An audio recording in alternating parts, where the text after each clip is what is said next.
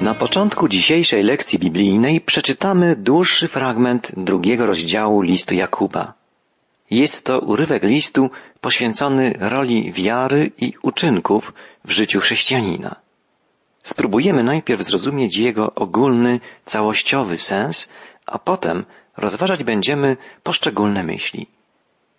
Czytam od czternastego wiersza do końca drugiego rozdziału listu Jakuba. Cóż to pomoże, bracia moi, jeśli ktoś mówi, że ma wiarę, a nie ma uczynków? Czy wiara może go zbawić? Jeśli jakiś brat lub siostra nie mieliby się w co ubrać i brakowałoby im codziennego pożywienia, a ktoś z was powiedziałby, idźcie w pokoju, ogrzejcie się i najedźcie, a nie dalibyście im tego, co potrzebne dla ciała, jaka z tego korzyść? Tak i wiara, jeśli nie jest potwierdzona uczynkami, jest martwa sama w sobie. Lecz powie ktoś, ty wierzysz, a ja spełniam uczynki. Pokaż mi swoją wiarę bez uczynków, a ja ci pokażę wiarę z moich uczynków. Ty wierzysz, że jest jeden Bóg? Dobrze czynisz, ale i demony wierzą i drżą. Chcesz zaś się przekonać, próżny człowieku, że wiara bez uczynków jest bezużyteczna? Czy Abraham, nasz ojciec, nie został usprawiedliwiony z powodu swoich uczynków, gdy złożył Izaaka, swojego syna, na ołtarzu? Widzisz, że wiara współdziałała z jego uczynkami i dzięki uczynkom stała się doskonała. W ten sposób wypełniło się pismo, które mówi, Abraham uwierzył Bogu i zostało mu to policzone jako sprawiedliwość i został nazwany przyjacielem Boga. Widzicie, że człowiek zostaje usprawiedliwiony dzięki uczynkom, a nie wyłącznie dzięki wierze. Podobnie i nierządnica Rahab, czy nie dzięki uczynkom została usprawiedliwiona, gdy przyjęła wysłanników i odesłała ich inną drogą? Jak bowiem ciało bez ducha jest martwe, tak też wiara bez uczynków jest martwa. Ten fragment listu Jakuba musimy rozpatrywać w całości, zanim przystąpimy do jego szczegółowej analizy. Niektórzy krytycy wykorzystują te słowa Jakuba, aby twierdzić, że apostoł Jakub nie zgadza się z nauczaniem apostoła Pawła. Apostoł narodów Paweł z naciskiem podkreślał bowiem, że człowiek dostępuje zbawienia wyłącznie dzięki wierze i że uczynki nie mają z tym nic wspólnego. Na przykład w liście do Rzymian w trzecim rozdziale czytamy Uważamy bowiem, że człowiek bywa usprawiedliwiony przez wiarę, niezależnie od uczynków prawa. Człowiek zostaje usprawiedliwiony nie z uczynków prawa, a tylko przez wiarę w Jezusa Chrystusa, ponieważ z uczynków prawa nie będzie usprawiedliwiony żaden człowiek. Te słowa pochodzą z listu do Galacjan. Często dowodzi się, że nauczanie Jakuba jest sprzeczne ze zwiastowaniem apostoła Pawła. Musimy więc bardzo dokładnie przyjrzeć się wypowiedzi Jakuba. Dostrzeżemy, że nie stoi ona w sprzeczności z nauką o usprawiedliwieniu z wiary. Jakub pragnie jedynie zaakcentować to, iż biblijnie rozumiana wiara ma zupełnie inną treść niż wiara w znaczeniu potocznym.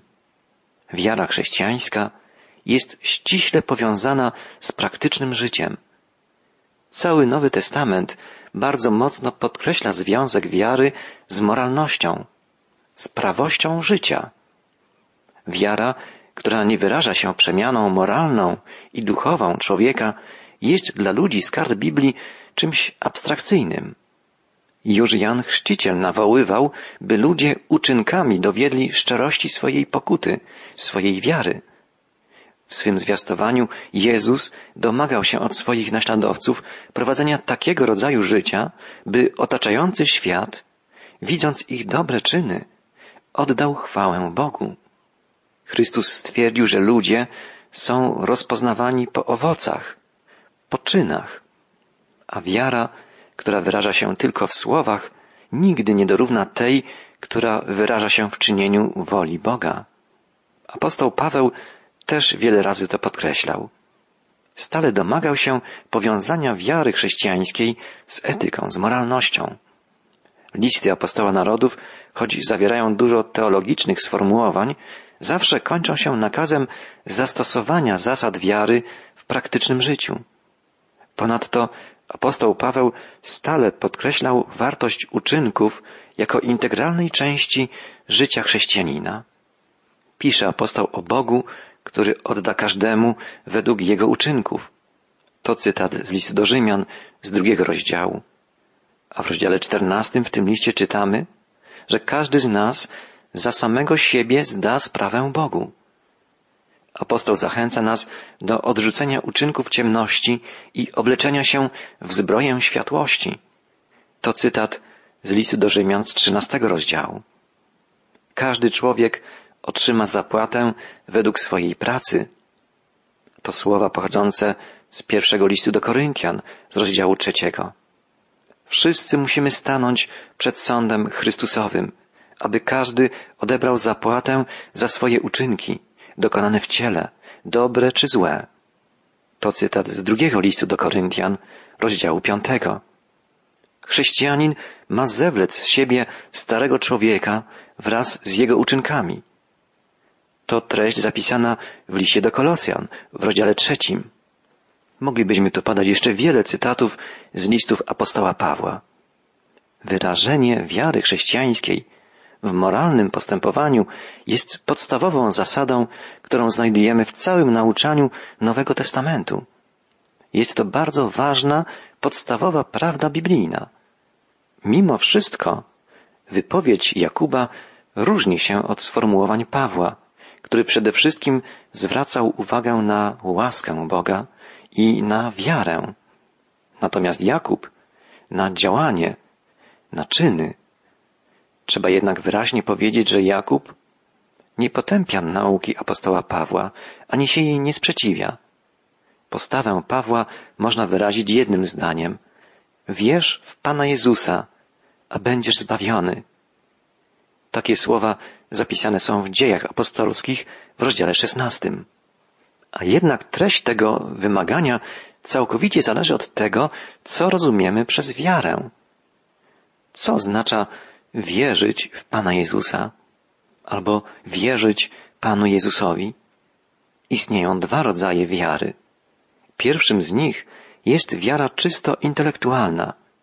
Na przykład wierzę, że suma kwadratów dwóch przyprostokątnych trójkąta równa się kwadratowi jego przeciwprostokątnej. Mogę to nawet udowodnić. Ale nie będzie to miało żadnego wpływu na moje życie. Przyjmuję tę zasadę, ale nic mi to nie daje. Nie zmienia to mojego postępowania. Jest jednak inny rodzaj wiary. Kiedy jakiś fakt przyjmuję nie tylko umysłem, ale całym swoim życiem i postępowaniem. Jakub zwalcza pierwszy rodzaj wiary. Przyjęcie pewnego faktu, który nie ma żadnego wpływu na nasze życie. Apostoł Jakub wskazuje, że nawet demony intelektualnie, rozumowo wierzą w istnienie Boga, nawet wiedzą o istnieniu Boga i drżą przed Nim. Przekonanie to nie wpływa jednak na zmianę ich postępowania. Apostoł Paweł reprezentował właśnie drugi rodzaj wiary. W jego przekonaniu wiara w Jezusa ma przeniknąć każdą dziedzinę naszego życia. Ma stać się jego treścią. Bardzo łatwo jest wypaczyć naukę o usprawiedliwieniu z wiary, jak gdyby oderwać wiarę od życia. Wiara bez realizowania się w życiu na co dzień, w konkretnych czynach, w praktycznym okazywaniu miłości, jest czymś abstrakcyjnym. Apostoł Paweł napisał Koryntianom, choćbym miał wiarę tak wielką, żebym góry przenosił, a miłości bym nie miał, byłbym niczym. Pomiędzy nauką apostoła Pawła a nauką Jakuba jest jednak pewna różnica. Możemy powiedzieć, że mówią oni o innych okresach w życiu chrześcijanina. Wypowiedzi Pawła dotyczą z reguły początków tego życia. Apostoł narodów twierdzi, że żaden człowiek nie jest w stanie zapracować sobie, zasłużyć na przebaczenie Boże. Pierwszy krok w tej sprawie musi wyjść od łaski Bożej. Człowiek może jedynie przyjąć przebaczenie, jakie Bóg oferuje mu w Jezusie Chrystusie. Jakub natomiast ma na myśli praktykującego chrześcijanina, który już przyjął przebaczenie Boże, żyje w relacji z Bogiem, w więzi z Nim, pełnym łaski miłosierdzia Panem. Człowiek taki, podkreśla apostoł Jakub, musi prowadzić nowy rodzaj życia, ponieważ jest nowym stworzeniem. Został już usprawiedliwiony, przyjął Boże zbawienie i teraz musi okazać, że jest również uświęcony, że pragnie, żeby Bóg go ciągle przemieniał, oczyszczał. Apostoł Paweł w zupełności zgadza się z takim stwierdzeniem. Żaden człowiek nie może dostąpić zbawienia poprzez uczynki, a jednocześnie nikt nie może być zbawiony bez uczynków. Dlatego, że prawdziwa wiara zawsze owocuje przemienionym życiem, dobrymi czynami. Taką sytuację w pewnym stopniu można porównać do wielkiej miłości ludzkiej. Osoba kochana wie, że nie zasługuje na miłość, a jednocześnie jest przekonana, że całe swoje życie powinna starać się, aby być godną tej miłości. Różnica między Jakubem i Pawłem dotyczy czasowo różnych okresów chrześcijańskiego życia. Paweł zaczyna od zasadniczego faktu przebaczenia Bożego, na które nikt nie może sobie zasłużyć. Jakub zaczyna od wierzącego już człowieka i dowodzi, że przez swoje uczynki musi on okazać swoją chrześcijańską postawę. Nie jesteśmy zbawieni przez uczynki, ale jesteśmy zbawieni do uczynków. Są to dwie podstawowe prawdy chrześcijańskiego życia. Jesteśmy zbawieni darmo z łaski, abyśmy żyli czyniąc dobro. Apostoł Paweł akcentuje pierwszy aspekt tej prawdy, a Jakub drugi. Nie zaprzeczają oni sobie, ale uzupełniają się wzajemnie. Ich wspólne poselstwo najpełniej wyraża treść chrześcijańskiej wiary. Podsumujmy więc jeszcze raz prawdę o usprawiedliwieniu i uświęceniu grzesznika. Człowiek zostaje usprawiedliwiony dzięki wierze w zbawcze dzieło Jezusa Chrystusa. Poprzez wiarę przyjmuje dar Bożej łaski. Żyjąc jako ułaskawione dziecko Boże, potwierdza swoją wiarę nowym sposobem życia, czynieniem dobra, uczynkami miłości. Ten proces uświęcenia trwa przez całe życie chrześcijanina. Po przeanalizowaniu całej wypowiedzi Jakuba na temat wiary i uczynków, przyjrzyjmy się teraz bliżej poszczególnym jej elementom. Przeczytajmy od 14 do 17 wiersza drugiego rozdziału listu Jakuba. Jaki z tego pożytek, moi bracia, jeśli ktoś mówiłby, że wierzy, a nie spełniałby uczynków? Czy sama wiara może go zbawić? Jeśli jakiś brat lub siostra nie mieliby się w co ubrać i brakowałoby im codziennego pożywienia, a ktoś z was powiedziałby, idźcie w pokoju, ogrzejcie się i najedzcie, a nie dalibyście im tego, co potrzebne dla ciała, jaka z tego korzyść? Tak i wiara, jeśli nie jest potwierdzona uczynkami, jest martwa sama w sobie. Jakub po prostu podkreśla, iż teoria niesprawdzająca się w życiu to abstrakcja. Swoją myśl ilustruje apostoł Jakub bardzo żywym przykładem. Przypuśćmy, że ktoś nie ma czym się przyodziać i nie ma co włożyć do ust. I oto jego bliski przyjaciel, człowiek wierzący, wyraża pod jego adresem serdeczne współczucie. Cóż warte jest jednak takie współczucie, jeśli człowiek ten zatrzymuje się na słowach i nic nie robi dla poprawy sytuacji biedaka? Tak i wiara bez uczynków jest martwa. Tekst ten szczególnie przemawiał do Żydów. U Żydów bowiem jałmużna miała wielkie znaczenie. Tak wielkie, że identyfikowano ją ze sprawiedliwością. Jałmużnę uważano za jedyną obronę człowieka przed sądem Bożym. W księdze Tobiasza czytamy na przykład Nie odwracaj twarzy od żadnego biedaka, a nie odwróci się od ciebie oblicze Boga. Jałmużna wybawia od śmierci i nie pozwala wejść do ciemności. Starsi wspólnoty jerozolimskiej zgodzili się, by apostoł Paweł pracował wśród pogan, ale pod jednym warunkiem, żeby nie zapominał o biednych. Czytamy o tym w liście do Galacjan w rozdziale drugim. Zachęta do praktycznego wyrażania wiary była jedną z wielkich i pięknych cech pobożności żydowskiej. Natomiast uczucie sympatii i udzielanie jałmużny były czymś zupełnie obcym i nieznanym dla religijnych Greków. Na przykład stoicy hołdowali apateja, czyli zupełnej obojętności uczuciowej. Stąd nasze słowo apatia. Celem takiego postępowania był tak zwany święty spokój. Droga do doskonałego pokoju prowadziła rzekomo przez całkowite wyeliminowanie wszelkich uczuć. Współczucie było jedynie naruszeniem filozoficznego spokoju, który powinien być celem życia człowieka. Dlatego Epiktet na przykład powiadał, że uczucie żalu czy litości przeżywają ci, którzy nie są posłuszni boskiemu nakazowi. Wirgiliusz przedstawia nam obraz szczęśliwego człowieka, który nie ma litości dla biednego, nie współczuje smutnemu, gdyż takie uczucia jedynie zachwiałyby jego spokojem. Taki pogląd jest zupełnie sprzeczny z poglądem żydowskim.